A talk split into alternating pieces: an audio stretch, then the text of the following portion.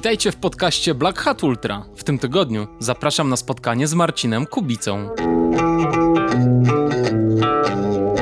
Ja zawsze powtarzam, że talent jest do pewnego momentu, a jeżeli ten talent nie będzie trenowany, nie będzie dalej się szkolił, to z tego talentu po prostu nic nie będzie. Do którego momentu może dojść jako talent, będzie dochodził, ale później już zaczyna się ciężka praca, wytrwałość e, i miłość do tego wszystkiego, co się robi. I czerpanie radości z tego. Pamiętam właśnie słowa Bartka Przedwojewskiego, który właśnie po Mistrzostwach Polski w Łuszczykach mi powiedział, że jeżeli chłopaku e, nauczysz się z tym bólem e, biegać, trenować, przyzwyczaisz się do niego, potraktujesz go właśnie jak przyjaciela, to będziesz przenosił wszystkie góry, jakie tylko chcesz.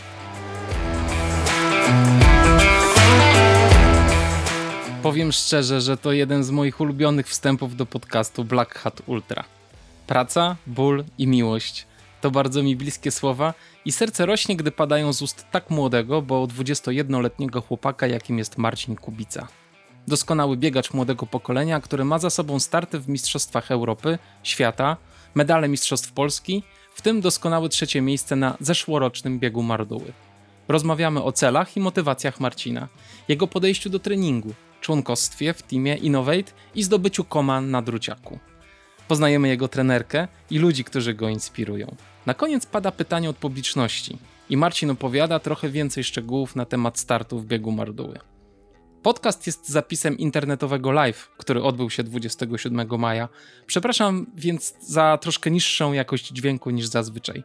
Zanim zaczniemy, zaproszę Was do sklepu pod adresem sklep treningbiegacza.pl i do wsparcia podcastu pod adresem patronite.pl ukośnik Black Hat Ultra.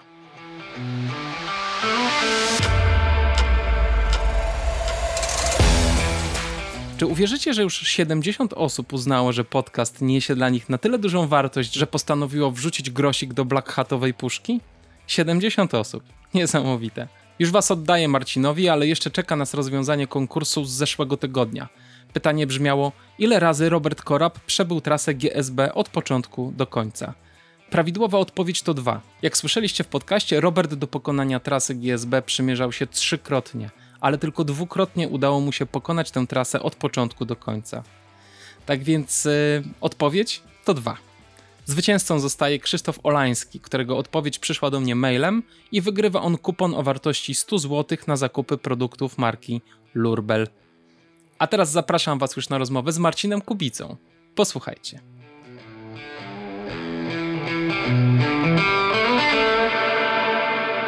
Cześć Marcin, witam Cześć. cię serdecznie. Też witam Jesteś wszystkich. Tak, O. jestem, jestem. Słuchajcie mnie dobrze? Cześć. Dobrze cię słychać. Powiedz mi, jak tam było na tym druciaku? Ciężko było zrobić ten segment? Jak to wspominasz? Powiem Ci szczerze, to była też taka szybka historia z Druciakiem, bo odwołali wszystkie e, zawody, więc Krzysiek do mnie napisał, że może zrobimy coś e, w górach, szybkiego, krótkiego. Ja też wtedy byłem w dość ciężkim treningu, E, miałem jakoś e, biegać 5 km w przełajach, żeby coś przelecieć szybkiego, dlatego też Krzysiek dobierał coś krótkiego. Mm. No i Druciak no jest wiadomo, słynny Wojtek tam kosmiczne czasy jak za- zawsze uzyskiwał. No i było ciężko go w ogóle poprawić. Chociaż też nie jestem zadowolony z tego kompletnie czasu, który tam uzyskałem. Myślę, że jest jeszcze trochę do urwania. No, je- jedna sekunda to jak tam niektórzy napisali na strawie, że to prawie błąd zegarka, więc. No ale nie zmienia to faktu, że jesteś pierwszy. No jest ta sekunda i trzeba się z tego cieszyć. Także, także serdecznie Ci gratuluję, bo tam wiesz, no jest jeszcze y, trzeci jest Leśniak, a czwarty jest Dołęgowski, więc to tam, no ładnie, bardzo ładnie. Słuchaj, no dobrze, więc spotkaliśmy się dzisiaj po to, żeby troszeczkę się o tobie dowiedzieć, żebyś nam opowiedział, e, skąd się wziąłeś i dlaczego tak lubisz te góry i bieganie po górach. Także opowiedz, opowiedz, słuchaj, przede wszystkim, gdzie mieszkasz w ogóle, opowiedz nam. Mieszkam w Bielsko-Białej, więc gór e, mam pod dostatkiem. E, ogólnie mówiąc, mieszkam 200 metrów od lasu. Od razu mam szlak na Chrobaczą Łąkę, czyli Beskid Mały, więc e, terenu do trenowania mam sporo. Też mam fajny segmencik, podobny do Druciaka. Niebieski szlak na Gaiki. Półtorej kilosa i na przewyższenie ponad 300 metrów, więc jest, jest co robić. tam też Wojtek, Wojtek przez pewien czas prowadził, a później ja mu troszeczkę go zgarnąłem. No masz blisko, więc pewnie trenujesz tam często na tych szlakach. Tak, tak, tak. Ja głównie trenuję na tych szlakach. Mało co wychodzę poza e, szlaki chrobaczej łąki. Już tak twierdzę, że ta chrobacza łąka mnie kompletnie nie lubi, przez to, że tyle po niej biegam. No, dopóki tam nie zorganizujesz jakichś, wiesz, e, zawodów na tysiąc osób, to chyba ci wybaczy. Są, są zawody. No dobra, słuchaj, ale opowiedz mi, e, są, tak? Ale rozumiem, że nie jakieś duże. Nawet jest chyba rekord trasy mój. Jeszcze jak byłem juniorem, to startowałem. Widać, że jest bardzo duży, duże przesunięcie między tym, co ja mówię, a co ty słyszysz, więc, e, więc e, chyba nie możemy sobie za bardzo wchodzić w słowo, więc zadam ci od razu pytanie i powiedz, spróbuj odpowiedzieć w miarę szeroko. Powiedz, jak w ogóle się wydarzyło, że zacząłeś biegać? Czy byłeś w jakiejś nie, specjalnej szkole sportowej? Czy co się wydarzyło w ogóle? Opowiedz. Nie, nie, ja normalnie chodziłem do normalnej szkoły, do normalnej podstawówki, do normalnego gimnazjum. Eee, zacząłem, początki mojego biegania już e, były w podstawówce takie małe. Co prawda nie chciałem za bardzo trenować. Chodziłem na takie zajęcia do mojej trenerki. Dlaczego? Nie wiem, jakoś mnie to po prostu wtedy jeszcze nie kręciło. Potrzebowałem jakiegoś takiego momentu, w którym po prostu się wtopiłem. Chodziłem na zajęcia w podstawówce do mojej trenerki dwa razy w tygodniu na taką ogólną rozwojówkę. Z tego jeździliśmy na zawody na stadion. E, czwartki lekkoatletyczne, to była pierwsza edycja tych czwartków. Tam głównie biegałem 1000 metrów e, i nawet się dostałem na finały tych czwartków lekkoatletycznych, ale też zająłem tam jakieś chyba 20 któreś miejsce, więc daleko byłem jeszcze wtedy. Po tym czasie miałem długą przerwę, bo y, dłuż, przerwę prawie ponad rok, że nie biegałem nic kompletnie. Coś tam zacząłem, później yy, powiedziałem trenerce, że nie będę trenował. Yy, ona mnie wtedy jakoś pod koniec pierwszej klasy gimnazjum wzięła na zawody lekkoatletyczne. Pobiegałem wtedy tam chyba 3 minuty na kilosa, więc już to był jakiś całkiem niezły wynik na ten bieg. E, no i powiedziała, zaproponowała mi, żebym zaczął trenować. Namawiała mnie do tego dość mocno. Więc y, później w drugiej klasie zaczął się rok szkolny. Przerwa po wakacjach, więc też nic kompletnie nie robiłem z biegania. I jakoś tak właśnie zaczęły się treningi. Na początku chodziłem tam cztery razy w tygodniu e, i y, aż do momentu obozu, gdzie zimowego, gdzie później już za, zacząłem łapać tego bakcyla do tego biegania coraz bardziej. Chciało się więcej. Ale no właśnie, opowiedz, bo z jednej strony mówisz, że nie chciało ci się biegać, byłeś w normalnej podstawówce, a z drugiej strony opowiadasz o swojej trenerce i że trenowałeś cztery razy w tygodniu. To znaczy, że ona jakiś musiała wywrzeć na, na ciebie ogromny wpływ. Musiała mieć, prawda? Jedna rzecz miałem z nią WF-y. Ona ma coś w sobie takiego, że po prostu namawia, namawia, namawia i aż w końcu zaczęło się, no. Ciężko powiedzieć, co wtedy we mnie szczeliło. Myślisz, dlaczego ci się to spodobało? Bo, bo zaczęło ci wychodzić lepiej to bieganie, czy, czy właśnie ta trenerka ciebie tak zmotywowała? Myślę, że w momencie, jak pojechałem na pierwszy swój obóz e, zimowy e, do Zakopanego, tam poznałem tak naprawdę, co to jest ciężkie trenowanie, bo na obozach się to poznaje. Dwa treningi dziennie, nie ma kompletnie odpuszczania. E, chociaż ja miałem też tam taki moment jeden, że nawet dostałem karę za ten trening. Pamiętam to do tej pory. E, po prostu miałem z chłopakami e, pójść na rozbieganie, miałem z chłopakami biec, a odpuściłem to i ona to zauważyła. Na drugi dzień, na drugi trening mnie wysłała razem z nimi z powrotem i dostałem wtedy niezły, niezły, niezle w kość, że ostatnie 3 kilometry e, do ośrodka jak wracałem, to maszerowałem, bo nie byłem w stanie kompletnie biec. No i później tak już to jakoś po prostu e, zaczęło też e, mi się podobać coraz bardziej. Zaczęły się zawody w tych zawodach. Na stadionie początkowo kręciłem całkiem niezłe wyniki, robiłem fajne życiówki. Więc głównie na początku się w tym specjalizowałem, tam coś e, też e, próbowałem już wtedy gór, tam startowałem w mistrzostwach województwa, bieg chyba na Kozią Górkę z tego co pamiętam. I udało się nawet wygrać w kategorii młodzików, więc to już, już też i ona też już wtedy widziała, że coś w tych górach u mnie jest, e, że potrafię się dużo mocniej spiąć. I, I co, miałeś dużo lepsze wyniki rzeczywiście w górach niż, niż na bieżni, tak? Na początku na bieżni miałem całkiem niezłe wyniki, a później po prostu czegoś w tej bieżni zaczęło brakować. E, jakby to powiedzieć, nie zaczęło nudzić to bieganie w kółko, jak większość biegaczy górskich na stadionie. Co prawda treningi potrafię normalnie zrobić, ale no i też był taki moment, że trzeba było wybrać to albo to. Więc, y, że w górach się zakochałem, więc w tym kierunku chciałem dążyć i też zaczęły się dużo większe sukcesy. Fajnie, no i co było po tym biegu na Kozią Górkę? Bo to był chyba twój pierwszy tak, bieg był, e, górski, prawda? Tak, to był mój pierwszy bieg górski, ale później się zaczął sezon przełajowy. W przełajach wystartowałem, tam w Mistrzostwach Polski, na Mistrzostwa Polski pojechałem. Później zaczął się zaś sezon letni, więc stadion, stadion, stadion, więc tych gór było bardzo mało. Wakacje później, to był mój drugi bieg górski. Ona mi powiedziała, że tam gdzie teraz obecnie mieszka, czyli w Porąbce, organizowali obok bieg na Górę Żar, że mógłbym spróbować, zobaczyć jak to jest. Wtedy tam chyba zająłem 11 miejsce Open, więc to już też był całkiem niezły wynik, ale też byłem zawodnikiem, który fizycznie odstawał od całej stawki. O, dlaczego? Ja byłem chudzinką niesamowitą i miałem 1,50 m w kapeluszu, co teraz się wydaje dziwne, bo byłem tak niski. E, I też zawsze ty, trenerka stawiała na spokojny rozwój.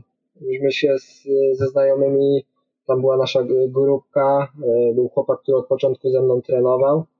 Też e, bardzo spokojnie z nami trenowała, ona nie chciała jakiejś dużej siły na nas od razu walnąć, tak jak większość zawodników w moim wieku już miała.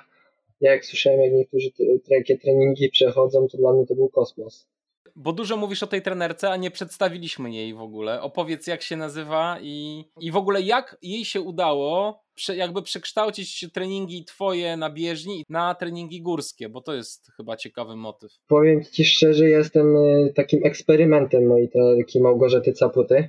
Ona e, głównie wywodzi się z, ze stadionu, więc szkoła cała stadionowa jej bardzo jest dobrze znana. Ona sama zawsze powtarza, że podziwia Y, moje bieganie w górach, bo jak widzi to wszystko, co trzeba tam czasem zrobić, to dla niej to jest nienormalne i twierdzi, że tam musi być psycha, psycha mocna niesamowicie, bo ona sama by nie dała rady takiego czegoś kompletnie robić. Bo też wspomniałeś mi przed rozmową bardzo ciekawy fakt, że trenerka pochodzi z Głuchołaz, czyli z miejscowości, z której pochodzi Bartek Przedwojewski i Michał Rajca zresztą też. Dokładnie. Ona bardzo dobrze chłopaków pamięta jak z, byłem w pierwszym roku juniora, Bartek Przedwojewski wtedy w Ustrzykach Dolnych wygrywał, e, wygrał Mistrzostwo Polski w biegach anglosaskich. To pobieg, e, ja tam z nią kibicowałem seniorom i ona mówi, skądś tego chłopaka kojarzę. Chyba to jest Bartek Przedwojewski. Oni komple, kompletnie na początku się nie poznali, cały czas później po głowie jej chodziło, skąd, skąd zna tego chłopaka. No i później jak już szli na dekoracje, to się spotkaliśmy z Bartkiem i później się przypomniało im skąd się znają tak dokładnie. I mi mówiła, że ona, ona w podstaw, jak uczyła WF w podstawówce, to on akurat był tam w klasach. A powiedz w ogóle, Bartek, wtedy, czy też inni zawodnicy na tych mistrzostwach zrobili na tobie jakieś duże wrażenie? E, jak to wyglądało? W ogóle kto cię inspiruje z polskich, z polskich biegaczy? Z polskich biegaczy e, mam dwie osoby, które mnie inspirują. Jedną osobą jest Bartek Przedwojewski, a drugą osobą jest Anna Celińska, e, która też mieszka w Bielsku Białej. Też jak mamy okazję, to wyjdziemy razem na trening. Teraz wiadomo, się za bardzo nie da. Bardzo wiele też mi pomagała doradzała, e, bo jednak no, jej doświadczenie w porównaniu z moim doświadczeniem to jest dużo większe. E, a Bartek, e, kiedy tak zaczął mnie inspirować, właśnie w Ustrzykach, jak go zobaczyłem. E, on był tam niesamowicie mocny. E, wszyscy się dziwili, kto to w ogóle jest, bo Bartek też jeszcze wtedy tak za bardzo nie był znany, bo on też tak na pewien czas był, zniknął z świata biegowego i nagle się objawił. Mm, I było widać po nim, że jest piekielnie mocny. Później też kolejne jego sukcesy też pokazywały, że e, to będzie osoba, która może naprawdę wiele zdziałać. Miałem okazję z nim pojechać e, razem na Mistrzostwa Europy e, jako junior do Słowenii. I tam razem, ja nawet z nim miałem okazję jechać w samochodzie, więc Y, tam troszeczkę też porozmawialiśmy, on mi poopowiadał wszystko, y, jak on postrzega to y, swoje lata te za czasów juniora, też starał mi się doradzić, jakim kierunku iść. I to też było bardzo fajne, bo jednak chłopak mający 17-18 lat też nie za bardzo wie, jak to wszystko się ułoży. No właśnie, i co ci, co ci doradził? Co pamiętasz z tej rozmowy? Co, co tak pamiętam? E, pierwsze, co zapamiętałem, to jak mi to powiedział, jak się dostaniesz do kadry e, Polski na stadionie, to uciekaj od tego jak najdalej. Bo jednak no, nasza szkoła e, szybko zajeżdża zawodników, szczególnie na kadrach. I to też dużo osób poznało się, bo ja pamiętam E, jak na stadionie jeszcze startowałem z mojego rocznika, było sporo osób, które się dostało do kadry i tylko słyszałem, jak kontuzje za kontuzjami e, łapali.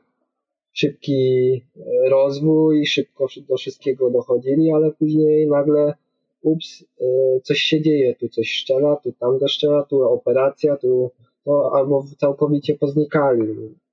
Jednak się cieszę, że trafiłem na moją trenerkę, która naprawdę ze wszystkim bardzo spokojnie e, podchodziła, żeby na spokojnie się rozwijać. Czyli to takie szlifowanie kadry na stadionie to jest takie ostre sito, tak? Albo ktoś wytrzyma te treningi, albo po prostu się niszczy. Niesamowite sito jest. Bardzo mało zawodników to w ogóle przetrwa. E, dwa treningi dziennie, które tak naprawdę cały czas są jeszcze e, na pułapie 100%, żeby się zajechać. I też ogólnie no zawsze się to mówiło, przyjeżdżasz na obóz yy, i trenerzy, no który przetrwa, to przetrwa. No.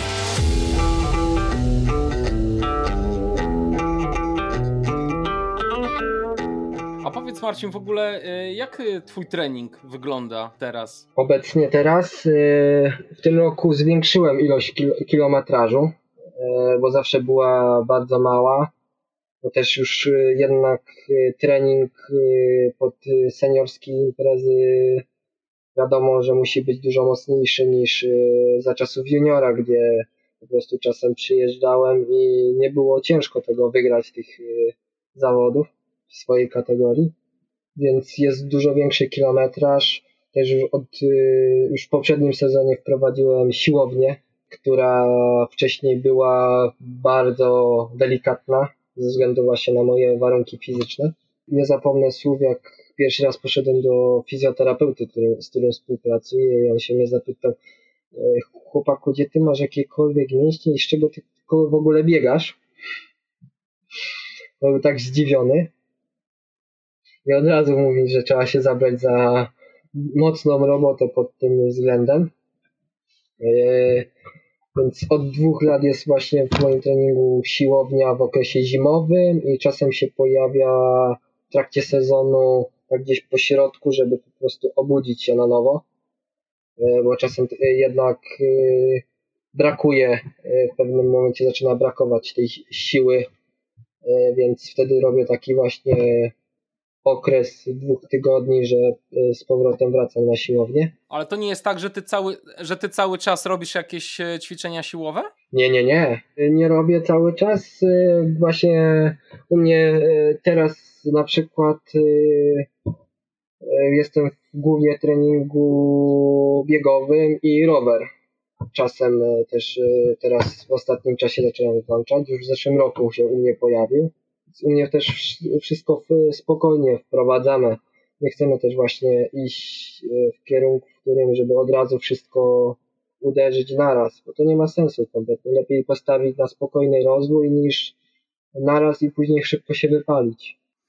Teraz e, wiesz, jak rozmawiałem z, z Bartkiem Przedwojowskim i też zobaczyłem, co Kamil Leśniak buduje na Facebooku, to, to widać, że, że bieżnie mechaniczne są bardzo, bardzo modne. Co ty myślisz o tym, żeby trenować na bieżni mechanicznej też, nie tylko w górach? Powiem ci szczerze, ja z, bieżną mechaniczną się nie lubię. Ja jak mam zrobić przed treningiem na siłowni e, nawet 6 km na tej bieżni, e, to jestem e, chory na ten, na ten temat. Po prostu nie lubię biegać w jednym miejscu. To też możliwe, że jest spowodowane tym, że ten stadion mnie tak troszeczkę od siebie odrzucił i przypominają mi się czasy tych właśnie zawodów, tych wszystkich krążenia w kółko. A ja jednak lubię teren, lubię w terenie sobie potrenować spokojnie, coś przynajmniej zobaczę jakieś piękne tereny, a nie e, widzę, nie wiem, telewizor. No tak, tak, to prawda. Chociaż wiesz, ci co biegają na bieżni chwalą sobie to, że ten trening jest bardzo taki kontrolowalny, że można sobie ustawić ilość przewyższeń, można przejść z treningu właśnie e, z takiego podgórkę do treningu szybkiego, płaskiego, no i takie różne wiesz. Wiem, że fajnie, fajnie też włączyć coś nowego, ale też nie ma sensu w, od razu w to wszystko wchodzić naraz. Można też stopniowo E, mieszać te treningi. Każdy rok też może być inny. W jednym, tak jak Bartek to przedwojewski mówi, bo też słuchałem, e, że lubi jak trening jest e, taki zróżnicowany, więc to jest też bardzo ważne, żeby cały czas nie dawać tych samych bodźców.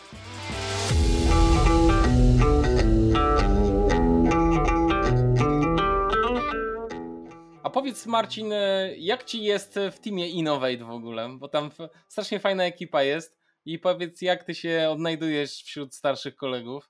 E, ja w ogóle dołączyłem do Innovate'a, to miałem wtedy 17 lat, więc e, byłem młodziutki. Chłopacy są bardzo fajni, zawsze można się fajnie pośmiać, chociaż każdy z nas na swój sposób jest też troszeczkę inny. E, ja na przykład zawsze uważają, że jestem taką osobą, która mało mówi na tych wszystkich naszych spotkaniach. To jest e, prawda.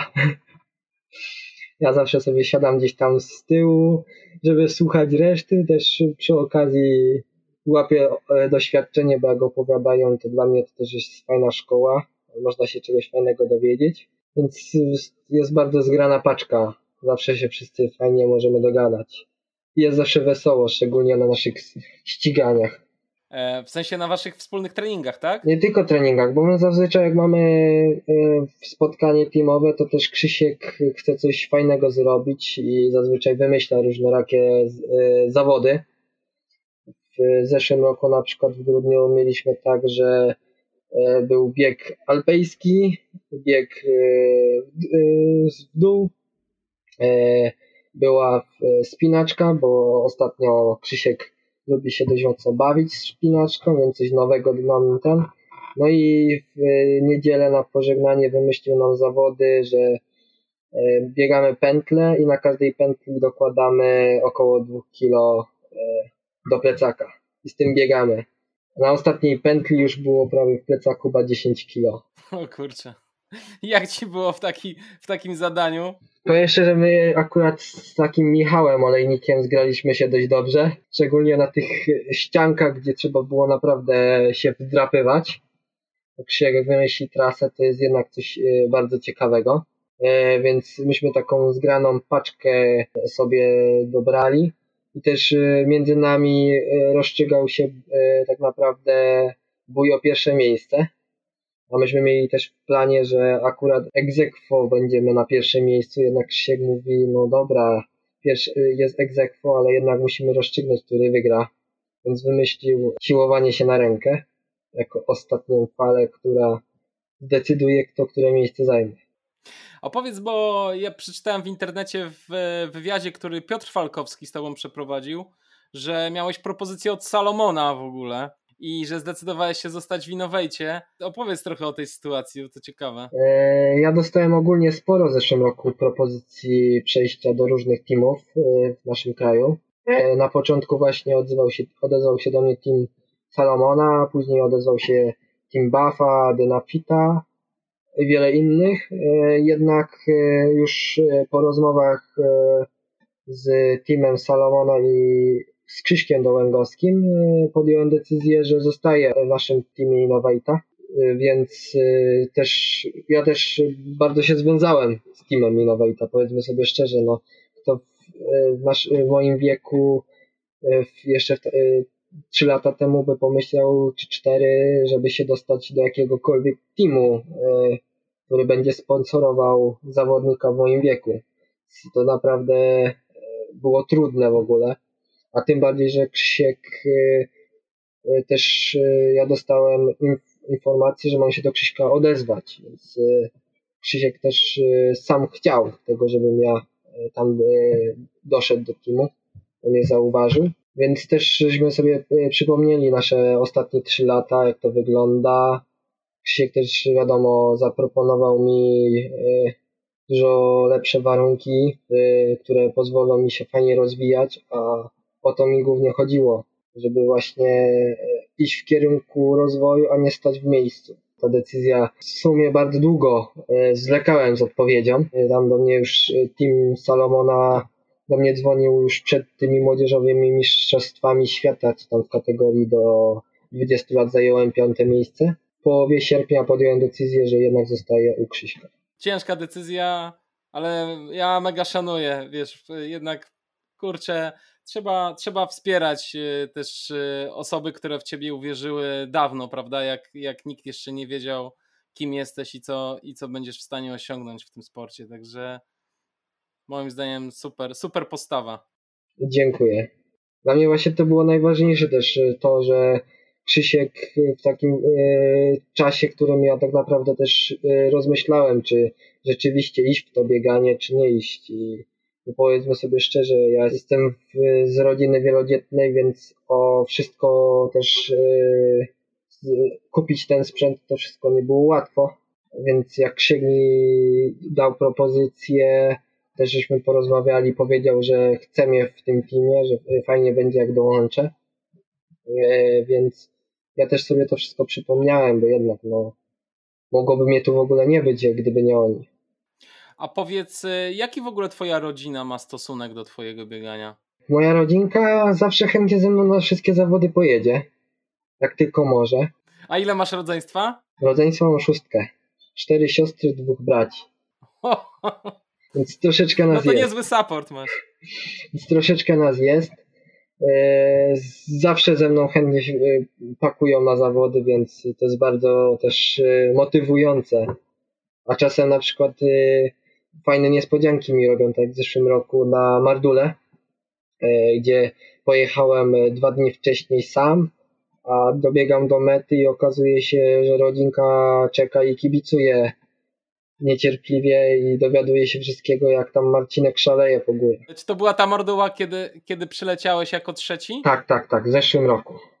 Była Marduła w zeszłym roku, co też sobie niespodziankę w sumie zrobiłem, bo e, dzień, dwa dni później miałem urodziny. Był to dla mnie taki prezent urodzinowy, który sobie sam sprawiłem. No właśnie, bo ty niedługo masz urodziny, co nie? Tak, tak, tak. 21. E, Marcin, opowiedz o jakichś zawodach e, zagranicznych, które ci zapadły w pamięć zeszłorocznych. Zeszłorocznych? No, no to głównie, które mi zapadły, to właśnie młodzieżowe Mistrzostwa Świata w skyrunningu we Włoszech, bo powiem Ci szczerze, że mało kto dawał mi szansę, że powalczę tam o czołówkę. Ogólnie mówiąc, jak biegłem tam w tej w, w czubie w trakcie, jak mnie widzieli inni trenerzy tam z innych reprezentacji, to się dziwili, co Polaczek w ogóle robi wśród innych zawodników typu Włosi, Hiszpanii, bo tam oni głównie rozwalają system. Więc było takie wielkie zdziwko, więc te zawody najbardziej mi tak weszły w głowę, bo jednak rzecz No, ja takiego terenu skyrunningowego za bardzo poza Mardułą nie znałem, więc był pewien strach, co będzie ze mną, jak y, wejdę na te tereny powyżej 2000, 2600, 2700, bo najwyższy szczyt tam mieliśmy 2700 właśnie, gdzie biegło się patrząc w tył w jedną wielką przepaść. Więc to był e, taki strach, co się ze mną w ogóle stanie. No i druga rzecz, no przyjechanie dwa dni przed zawodami bez aklimatyzacji, też nie wiadomo jak e, organizm zareaguje. Ale na szczęście wszystko właśnie fajnie poszło. Co prawda brak y, później po wnioskach tych wszystkich właśnie brakło tego tej aklimatyzacji, że myślę, że jakby było, była ta aklimatyzacja, to mogłoby to być dużo wyższe miejsce, ale też y, później jak pojechałem na seniorskie Mistrzostwa Europy w skyrunningu, to y, przeglądając wyniki zauważyłem, że zawodnicy, którzy byli przede mną y, na tych młodzieżowych, później na tych seniorskich na przykład byli za mną. Co prawda był to też dłuższy dystans, więc to też możliwe, że to spowodowało to wszystko. Więc myślę, że byłem bardzo blisko medalu. A powiedz, y, w Polsce przed wyjazdem na te mistrzostwa jakoś przygotowywałeś się, jeśli chodzi właśnie o bieganie na wysokości? Wspomniałeś Mardułę, ale czy y, zrobiłeś sobie jakiś taki mini obóz, który by zwiększał Twoją wydolność na wysokości? Nie, nic nie zrobiłem. Powiem szczerze, ja trenowałem cały czas w swoich okolicach.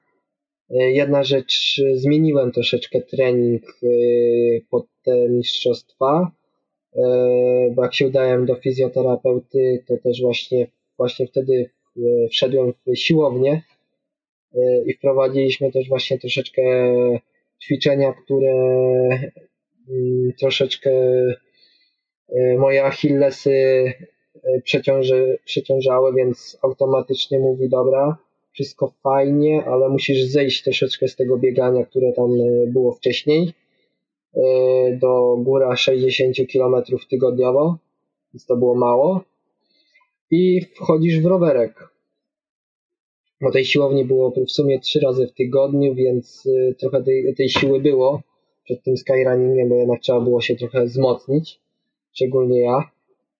Ale później zauważyłem, że ten trening y, zdał swoje, swoje wszystkie zadania, które miałem do wykonania na tych zawodach. A powiedz, a ze zbiegami, jak, jak się czujesz na zbiegach? Ja na zbiegach, ja jestem troszeczkę szalony bo ja e, nie mam żadnych obaw przed zbieganiem, więc e, to mnie akurat e, nie powstrzymuje. Tam pamiętam, że właśnie jak zbiegaliśmy z najwyższego szczytu, to tam ktoś krzyczał, trzymaj się tam liny, która tam była do pomocy nam.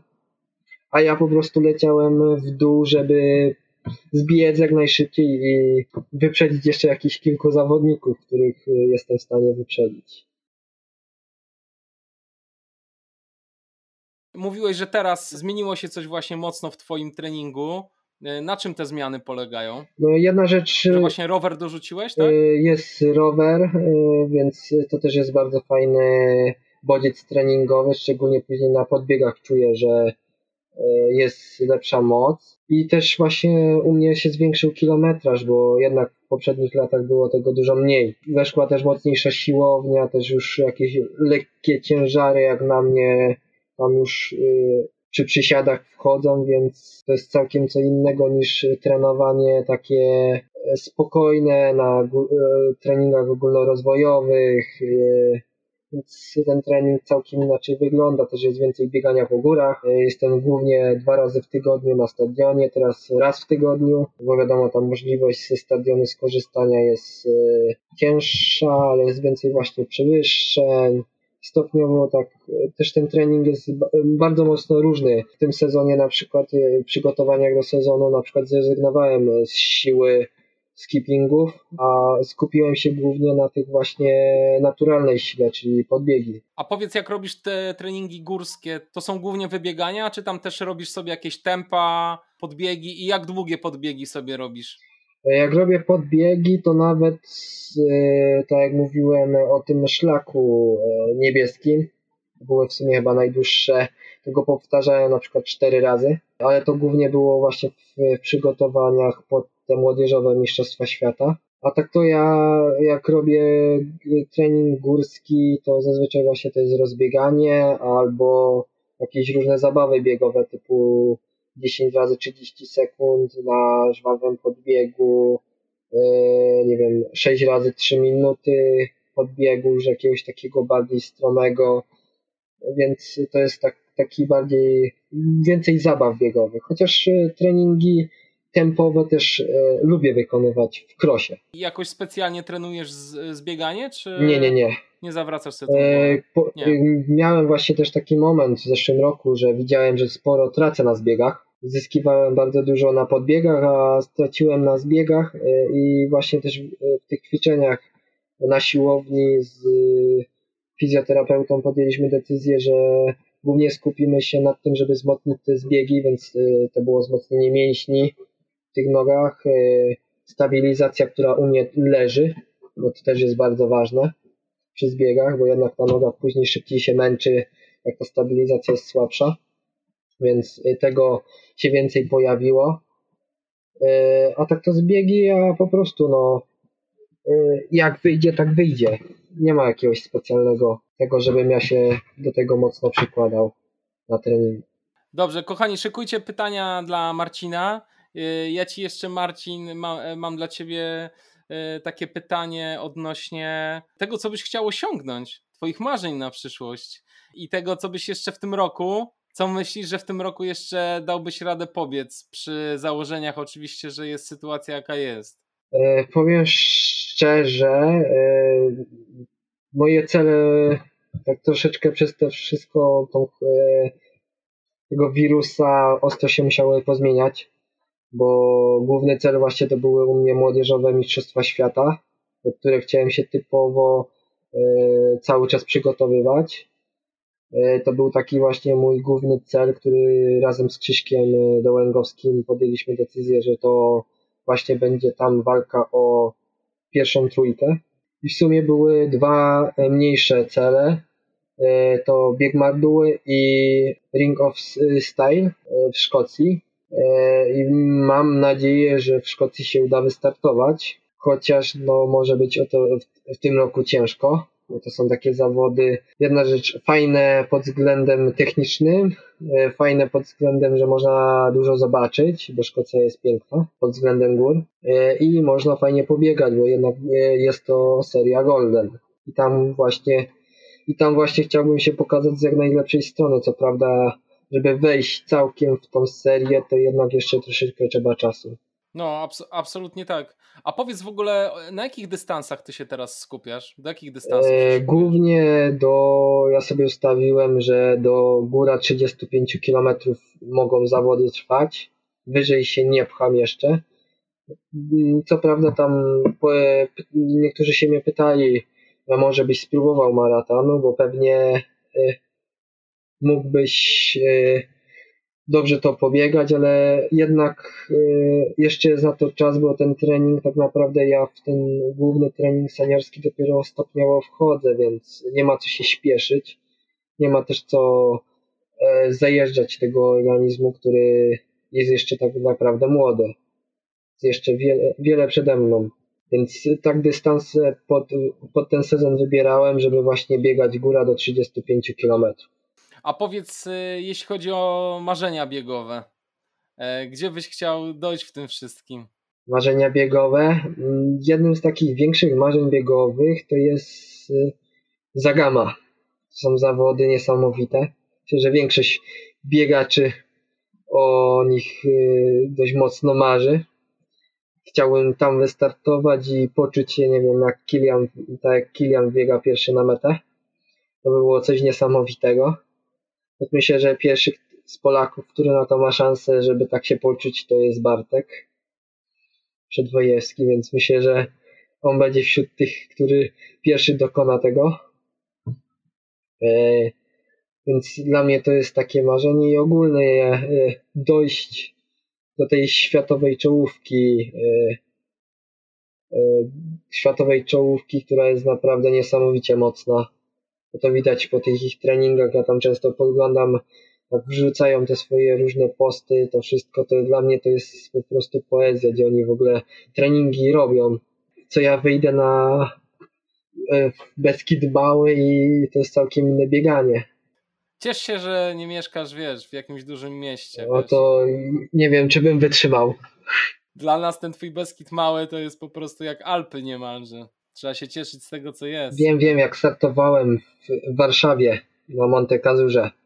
Wiem, jakie tam są fajne góreczki. A, no tak, oczywiście. No, to właśnie.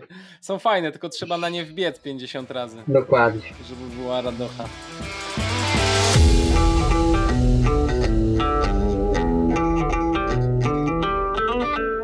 Marek się pyta, czy chciałby zrobić coś dłuższego, w sensie górskie 500 km plus, ale to już chyba odpowiedziałeś na to pytanie. Jeszcze na to czas. Ale może kiedyś, kiedyś.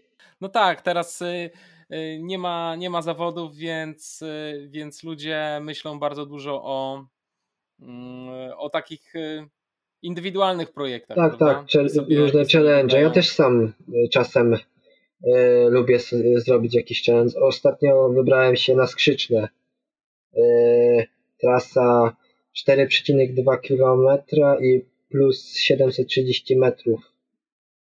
Więc y, całkiem niezły challenge, tam chyba wyszło 30 minut, 30-30 coś takiego pobiegałem, więc całkiem niezły wynik jak na taką kiepę.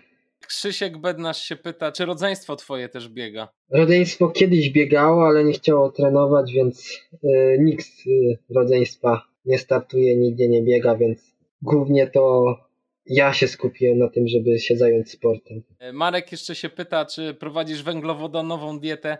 To mi też przypomniało o tym, żeby się ciebie zapytać w ogóle, jak ty do diety podchodzisz. Ja normalnie wszystko jem, to co u mnie mama w domu zrobi. To jest najlepsze jedzenie. Na razie nie stosuję żadnych diet, nic. E, wiadomo, suplementacja to wszystko jest. E, wspiera też mnie firma od jakiegoś od roku Mountain Fuel, więc e, witaminki są cały czas na okrągło, bo jednak wiadomo, e, przy e, moim spalaniu, mojej wadze, to trzeba się troszeczkę wspierać tym wszystkim. Adam Bogdal się pyta o dokładnie o kilometraż, jaki robisz tygodniowo teraz. Teraz wychodzi między od 100 do 120 kilometrów tygodniowo. Dużo, dużo panie. No, a jak się regenerujesz? Coś, coś tam robisz wesołego na regenerację? E, wiadomo, głównie to jest e, najważniejszy jest sen. Na tym się e, staram skupiać, żeby dobrze się wyspać każdego dnia. Tak, to wiadomo, suplementacja to białeczko zawsze pod ciężkim treningu musi wejść. Czasem, jak mam okazję, to salko lubię sole sobie wrzucić do kąpieli, bo to, jest, to też zauważyłem, że bardzo fajnie wpływa. I jak mam okazję, to lubię się też wybrać na saunę. O proszę. Zauważyłem właśnie, że lepiej na mnie wpływa ciepło niż zimno. Ja na przykład mam problem z zimną wodą, żeby do niej kompletnie wejść. Jak mam wejść do zimnej wody, to znikam. Czyli nie wskakujesz do strumieni? Nie, nie, nie. Cezary się pyta, czy biegasz tylko raz dziennie? E, jak mam możliwość, to lubię sobie, jak mam, nie wiem, jakieś dłuższe wybieganie, to czasem można go podzielić na dwie części, ale zazwyczaj to jest raz dziennie i czasem dokładam drugi trening właśnie na rowerze, jako takie rozluźnienie. A jeszcze jak teraz właśnie mam trenaże w domu, to tym bardziej. Siadam i sobie troszeczkę pedałuję. A powiedz w ogóle Marcin, e, czym się, że tak powiem, zajmujesz na co dzień obecnie? Czy studiujesz coś, coś co się e, dzieje w twoim życiu poza bieganiem? Ja obecnie skupiłem się na takich, e, nie poszedłem na studia, z szkoleniach pod względem trenera personalnego. W tym roku włączyłem y, ten, więc w czerwcu właśnie będę miał pierwsze egzaminy, więc już będę chciał ruszać też właśnie w tym kierunku, żeby troszeczkę właśnie zacząć y, sobie zarabiać w tym wszystkim, bo jednak no jak chcę rzeczywiście biegać y, na jakimś wysokim poziomie, trzeba to łączyć z taką pracą, która nie będzie też dowalała nam dodatkowego, jeszcze większego zmęczenia, bo jednak ta regeneracja to wszystko jest bardzo ważne. E, I y, ile będą trwały, ile będzie trwał ten kurs na trenera ja personalnego? Ja już jestem w końcówce trenera personalnego. e, bo zacząłem go, tak, tak, tak, końcówka, jeszcze rozmyślam, że zacznę od września dietetykę, żeby to było też fajne połączenie, więc w tym kierunku też, przy okazji dla mnie też to będzie jako biegacza fajne, e, żeby na sobie troszeczkę zacząć tej diety też stosować, bardziej dbać o tą dietę. Jakub Dąbrowicz e, pyta, ile przewyższeń robisz w miesiącu teraz? To zależy wszystko od miesiąca, jak, jaki miesiąc jest, bo jeden miesiąc jest, e, tak jak teraz jest bardziej skupiony na tym, że robię kilometraż, więc jest tego dużo więcej. Na ten moment mam około 14 kilometrów przewyższeń, e, więc myślę, że dojdzie w tym miesiącu do 16-17, więc to już jest dla mnie, jak na mnie, spory wynik. A tak to głównie bardziej jest, jak jest, nie wiem, szybszy miesiąc, to jest 10, 9 w tych okolicach. Spoko, no 14-16 to już jest kawałek. Cezary jeszcze pyta, jaką masz życiówkę ze stadionu, bo ty chyba biegałeś na 2 km, tak? Ja biegałem na, e, na początku biegałem na kilometr, to tego co pamiętam, na kilometr wykręciłem życiówkę 2,40. Jak na tak wolnego zawodnika jak ja, to było całkiem nieźle.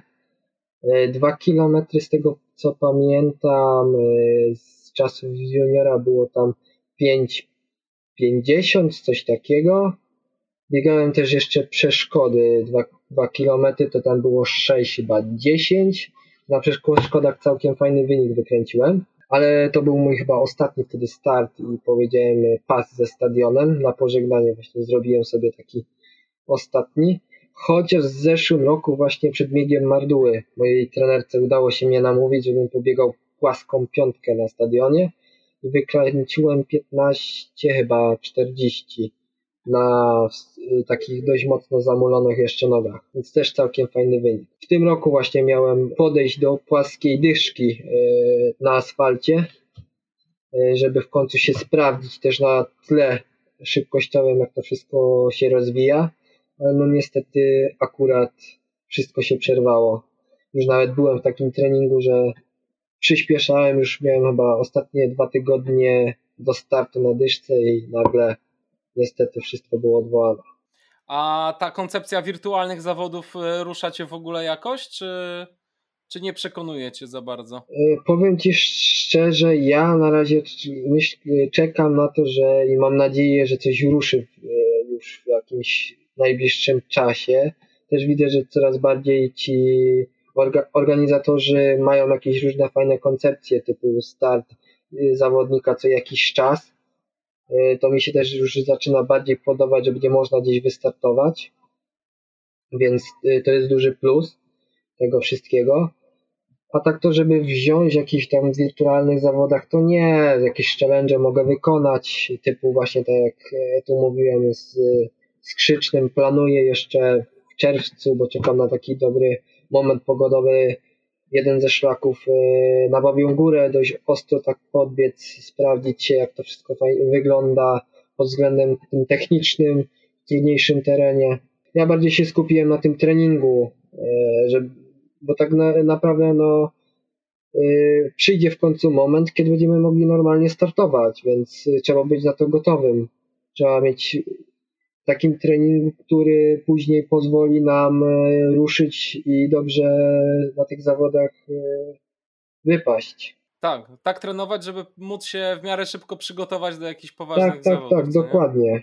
Hmm. Poza tym też hmm. niektórzy narzekają, że ten rok będzie stracony, ale w sumie taki rok treningowy jest dla każdego biegacza dobry, bo czasem trzeba po prostu zejść z zawodów, odpoc- odpocząć tak psychicznie i potrenować dobrze, co pozwoli w kolejnych latach też fajnie się rozwinąć. Tak, tak, absolutnie. Jeszcze Adam Bogdal z YouTube'a pyta, czy preferujesz biegi w słońcu, czy raczej jesteś zimnolubny i czy pora roku wpływa na twoje osiągi? E, powiem tak szczerze, e, bal, takiego strasznego zimna bardzo nie lubię.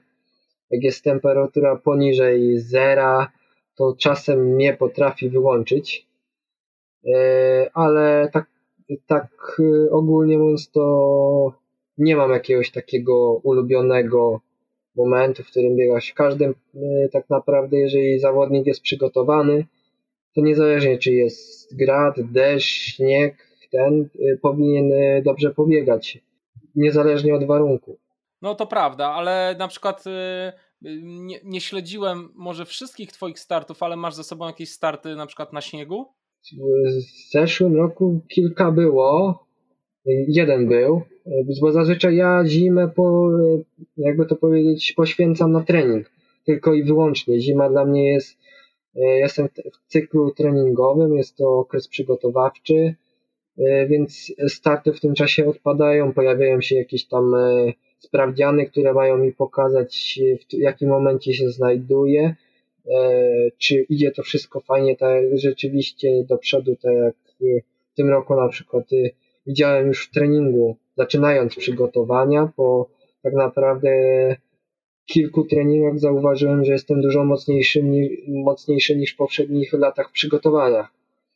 E, I zaczynały się pojawiać pomysły, że jednak trzeba jakiś sprawdzian w pewnym momencie wykonać początkiem stycznia e, udało się zrobić e, bieg po zdrój e, w Jaworzu, więc to był taki mój sprawdzian i też pokazanie, jak, czy rzeczywiście ten trening jest. I szczerze mówiąc, biegając na metę, tam wygrałem. Biegając na metę, patrząc na zegarek i czas, byłem niesamowicie zdziwiony, bo jedna rzecz nie czułem jakiegoś y, zmęczenia, a byłem w ciągłym treningu, a tu okazuje się, że biegam dużo mocniej niż w poprzednim roku, w którym jak y, miałem dojść do tego tempa, to musiałem się niesamowicie spinać. E, jest pytanie jeszcze od y, Rufina Masiarczyka. Marcin, jak wspominasz zeszłoroczny bieg Marduły? Bardzo odważnie pobiegłeś, długo trzymałeś drugie miejsce przed Marcinem Świercem. Pamiętasz może, w którym miejscu Marcin cię minął? I czy była walka wtedy w tym e? Bieg bardzo, bardzo dobrze wspominam. E, jedna rzecz, ja tam przyjechałem i dużo osób e, mówiło, że jak zajmę miejsce, to będzie góra piąte, szóste. Więc dla mnie też to był dość duży sprawdzian taki, czy wytrzymamy rzeczywiście. Jedna rzecz to był mój pierwszy dystans, którym przekroczyłem półmaraton, więc już zacząłem się zbliżać do tej trzydziestki. Co prawda trasa wtedy była zmieniona, niestety. E, I e, ja miałem tam też e, plan, że tak, ten początek asfaltowy pobiegnę sobie spokojnie, a później już zaczynając wchodzić na podbiegi poczułem, że chyba mam dzień konia. Zaryzykowałem, poszedłem tam wtedy za Marcinem, do, doszedłem do Marcina, później wyprzedziłem Marcina i zobaczyłem plecy Krzyśka, więc postanowiłem do niego e, dobiec i przez dłuższy dystans z nim, z nim biegłem. I popełniłem wtedy kilka bardzo ważnych błędów, które też e, pewnie wpłynęły na mój wynik. Ja miałem w zeszłym roku też duży problem z tym żywieniem podczas biegów ja zapominałem o żelach, zapominałem o tym, że muszę się czegokolwiek napić yy, i biegając na Kasprowy yy, dopiero obudziłem się z pierwszym żelem i było już tak lekko za późno. Poczułem lekką bombę i zbiegając z Kasprowego, jakoś mam w połowie, obudził mnie Marcin, który obok mnie przebiegał jak torpeda. Wtedy mnie złapał Marcin starałem je, troszeczkę mi odszedł na jakieś, nie wiem, 200 metrów, trzymałem się go cały czas tam później na tym zbiegu, widziałem go cały czas w Dolinie Białego e, i w Dolinie Białego, jak już się zaczęło zbieganie do mety, e, Marcin mi dość mocno, e, wtedy odszedł dość mocno. Ja też tak naprawdę miałem cel na tym, żeby tam powalczyć o medal. Dla mnie E, to trzecie miejsce było jak wygrane, bo powiedzmy sobie szczerze, jeżeli mi przed biegiem nikt nie daje szans na to, żeby wejść w pierwszą trójkę, a ja przybiegam na trzecim miejscu i z niewielką z niewielką e, stratą do Krzyśka Bodurki, do Marcina Świerca i jeszcze tak naprawdę młody zawodnik, który przeciwstawił się takim tak naprawdę już zawodnikom, którzy mają, którzy mają niesamowite doświadczenie, to już też było dla mnie czymś wielkim, że potrafię nawiązać do walki z zawodnikami, którzy jadą już na arenę międzynarodową i walczą o czołówkę. Powiedzmy sobie szczerze, Krzyk Bodurka jest już myślę, że czołówką e, europejską. Mm, szczególnie widać swojego przygotowania pod ten sezon, to widziałem, że szalał niesamowicie w Krakowie. E, a Marcin, no, samo UTMB i to wszystko mówi samo za siebie, że e, i to, że ile razy on Mardule wygrał, tam 9 razy wygrał na Mardule z tego co pamiętam. Tak, tak. Więc to też mówi. Tak, no i, i weźmy pod uwagę, że, że Marcin Świerc był w e, procesie przygotowywania do kompletnie innego biegu. Dokładnie, prawda? no. Jednak wiesz, 100-milowy bieg. A ja też. 10 tysięcy przewyższenia to jest tak inna bajka niż Marduła, że to, co on tam zrobił, też jest. A ja też właśnie przyszedłem z, tak naprawdę, u mnie też trenerka zawsze powtarzała. Pamiętaj, Marcin, ale my y, zawsze się skupialiśmy na dystansach do 15 kilometrów ty biegasz te wszystkie półmaratony, wszystko co się zaczyna powyżej 15 km, ty już zaczynasz biegać swoim sercem, które i psychiką, którą masz mocną. E, więc e, to też było dla mnie zaskoczeniem i też e, Maduła była właśnie takim dla mnie sprawdzianem, który pokaże mi, w którym kierunku iść, czy zostać nadal w tych, do tych 15 kilometrów, czy wejść już w coś dłuższego, próbować te cięższe biegi, czy to już jest odpowiedni czas. I właśnie Marduła była dla mnie takim momentem y, przełomowym, który pokazał mi, że mogę i potrafię. Mhm. Kapitalny, to był, to był wspaniały dzień, naprawdę. I, I wszyscy mocno ci kibicowaliśmy. Zresztą tutaj e, Darek Marek właśnie mówi, że tak, że bardzo mocno ci kibicował na Mardule i pyta się jednocześnie, kiedy, yy, kiedy panie Kubica biegniemy razem półmaraton. Kiedy ma czas, ja w każdej się Darek Marek. Kiedy, kiedy ma czas, ja mam w każdej chwili, ja, ja w każdej chwili mogę e, pobiegać coś mocnego. Dla mnie to nie jest problem. No widzicie, to umówcie się chłopaki po prostu. Umówcie się, a nie tam będziecie jakieś zawody czekać. Dla mnie to nie jest problem. Ja mogę, ja mogę stanąć na punkcie odżywczym. Dobra, słuchaj. Ym, tak, tutaj e, Marek Paluch mówi, że to piękne, że, że, e, że w zeszłym roku było ciężko, że wyciskałeś siódme poty, a rok później w miarę na luzie robisz jeszcze lepszy wynik i że my jako kibice uwielbiamy tą chwilę i, i to prawda.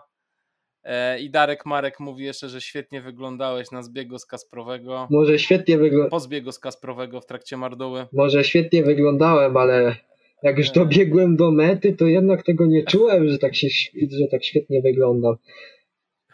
Taki, takich skurczy w nogach jeszcze no. nigdy w życiu nie miałem, jak wtedy tam po, po Mardule. Ja wstać nie mogłem Kurczę, wtedy. Napracowałeś się.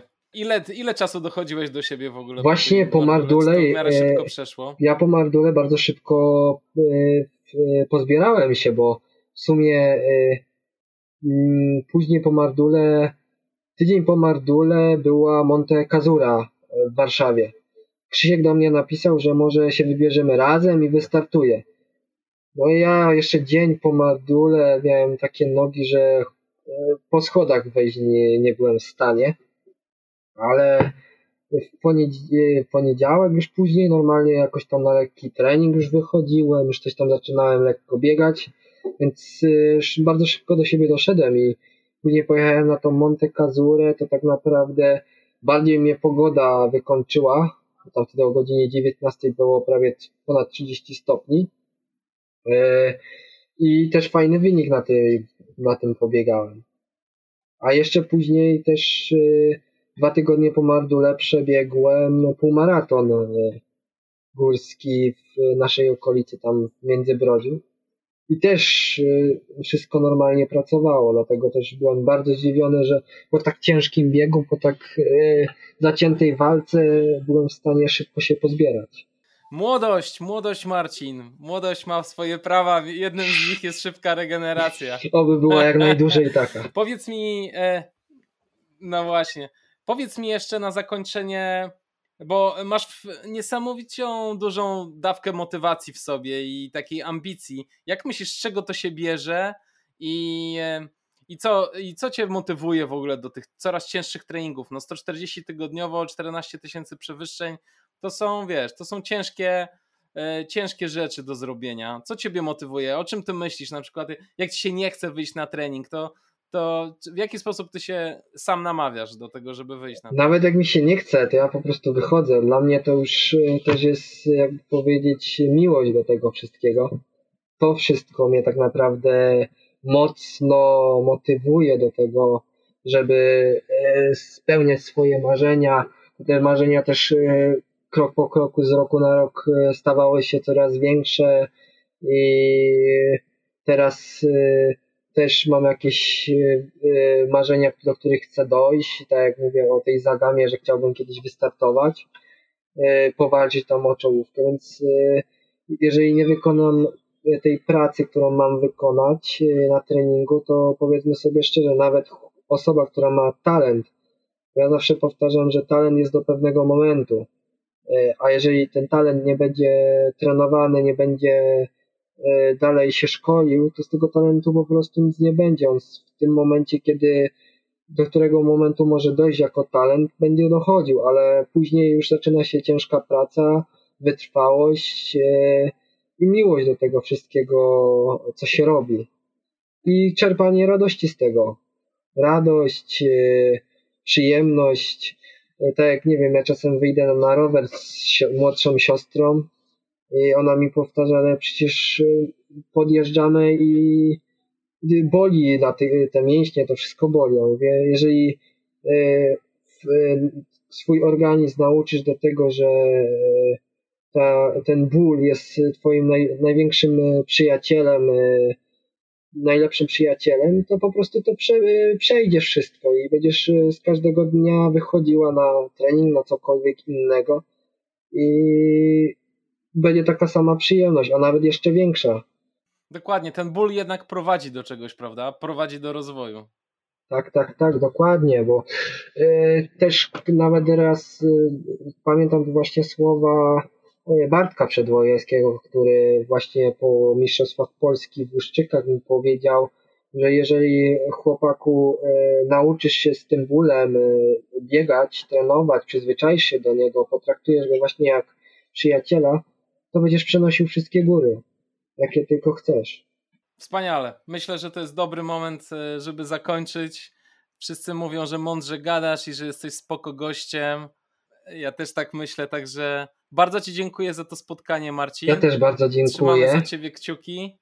Bardzo... Ciężko pracą, stary. I, a, dla, a dla nas, wiesz, dla nas fanów to będzie czysta, czysta radocha obserwowanie ciebie. Dziękuję bardzo, też bardzo mi miło, że zaprosiłeś mnie do ta, e, takiego wywiadu, bo się kompletnie tego nie spodziewałem, że coś takiego... No jasne, oczywiście.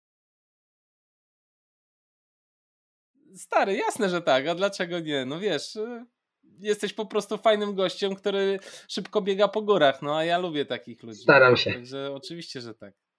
I jak widzę, jak widzę nie, tyl, nie tylko ja, widać jaki potencjał w tobie drzemie. To jest super. Najważniejsze, żeby się spokojnie rozwijać, a reszta już przyjdzie. Spokojnie. Dokładnie. Dokładnie. Najważniejsze to nie szaleć, Dokładnie. spokojny, powolny rozwój, co nie? Dokładnie. Marcin, dziękuję Ci serdecznie i do zobaczenia gdzieś może kiedyś na jakiejś normalnej imprezie biegowej. Trzymaj się. Mam nadzieję, że jeszcze w tym roku. Również. Powodzenia. Cześć, pa. Cześć.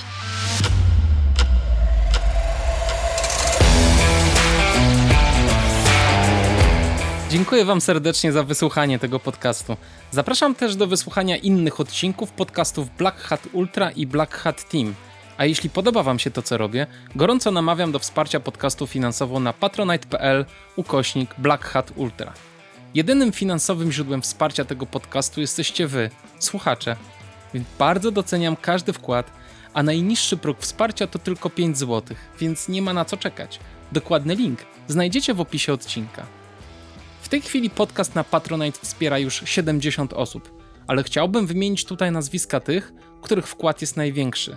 Są to Przemysław Barnowski, Krzysztof Bednarz, Magdalena Czernicka, Agnieszka Dudek, Michał Janiak, Marcin Jaćwiecki, Andrzej Gąsiorowski, Bieta Chryń-Morawska, Jakub Korczyk, Paweł Kaczmarek, Łukasz Kluba, Przemysław Kozłowski, Marek Maj, Wojciech Pietrzok, Mariusz Podgórny, Łukasz Różanowski, Kamil Sowiński, Marcin Stefaniak, Edyta Winnicka, Hubert Wierzbicki i Michał Wójcik. Ponadto możecie wspierać podcast w mediach społecznościowych i umieszczać informacje o nim w relacjach, postach i na tablicach. Odwiedzajcie również stronę www.blackhatultra.pl, gdzie możecie słuchać podcastów, oglądać zdjęcia i być może skorzystać z wegańskich przepisów, które tam umieszczam. Niezmiennie zapraszam wszystkich również do wystąpienia w moim drugim podcaście o nazwie Black Hat Team. Jego formuła wygląda w ten sposób, że sami nagrywacie swoje historie, a nagrany materiał wysyłacie do mnie i ja go publikuję w formie podcastu. Zapraszam do kontaktu mailowego na adres ultra małpa blackhatultra.pl. Ten odcinek podcastu Black Hat Ultra przygotowali Kamil Dąbkowski, prowadzenie i montaż oraz Piotr Krzysztof Pietrzak, transkrypcja i media społecznościowe, a autorem muzyki jest Audio Dealer. A jeżeli jeszcze ktoś tu jest, jeśli jeszcze ktoś mnie słucha, jesteś tu? Tak ty. Zatrzymaj się na jedną minutę, a może dłużej. Zostawiam ci 5 minut spokoju. Dzisiaj będzie troszkę inaczej. Wyobraź sobie, że jesteś w zupełnej pustce. Kolor i klimat tej pustki jest zupełnie dowolny, ale powinien nieść ci ukojenie. Jak się czujesz? Jeśli czujesz się mało komfortowo, wprowadź do tej przestrzeni jakieś obiekty lub osoby, żeby poczuć się bardziej jak w domu. Dobrze już? A teraz zamknij oczy i poczuj swój oddech. Tak po prostu. Buźka.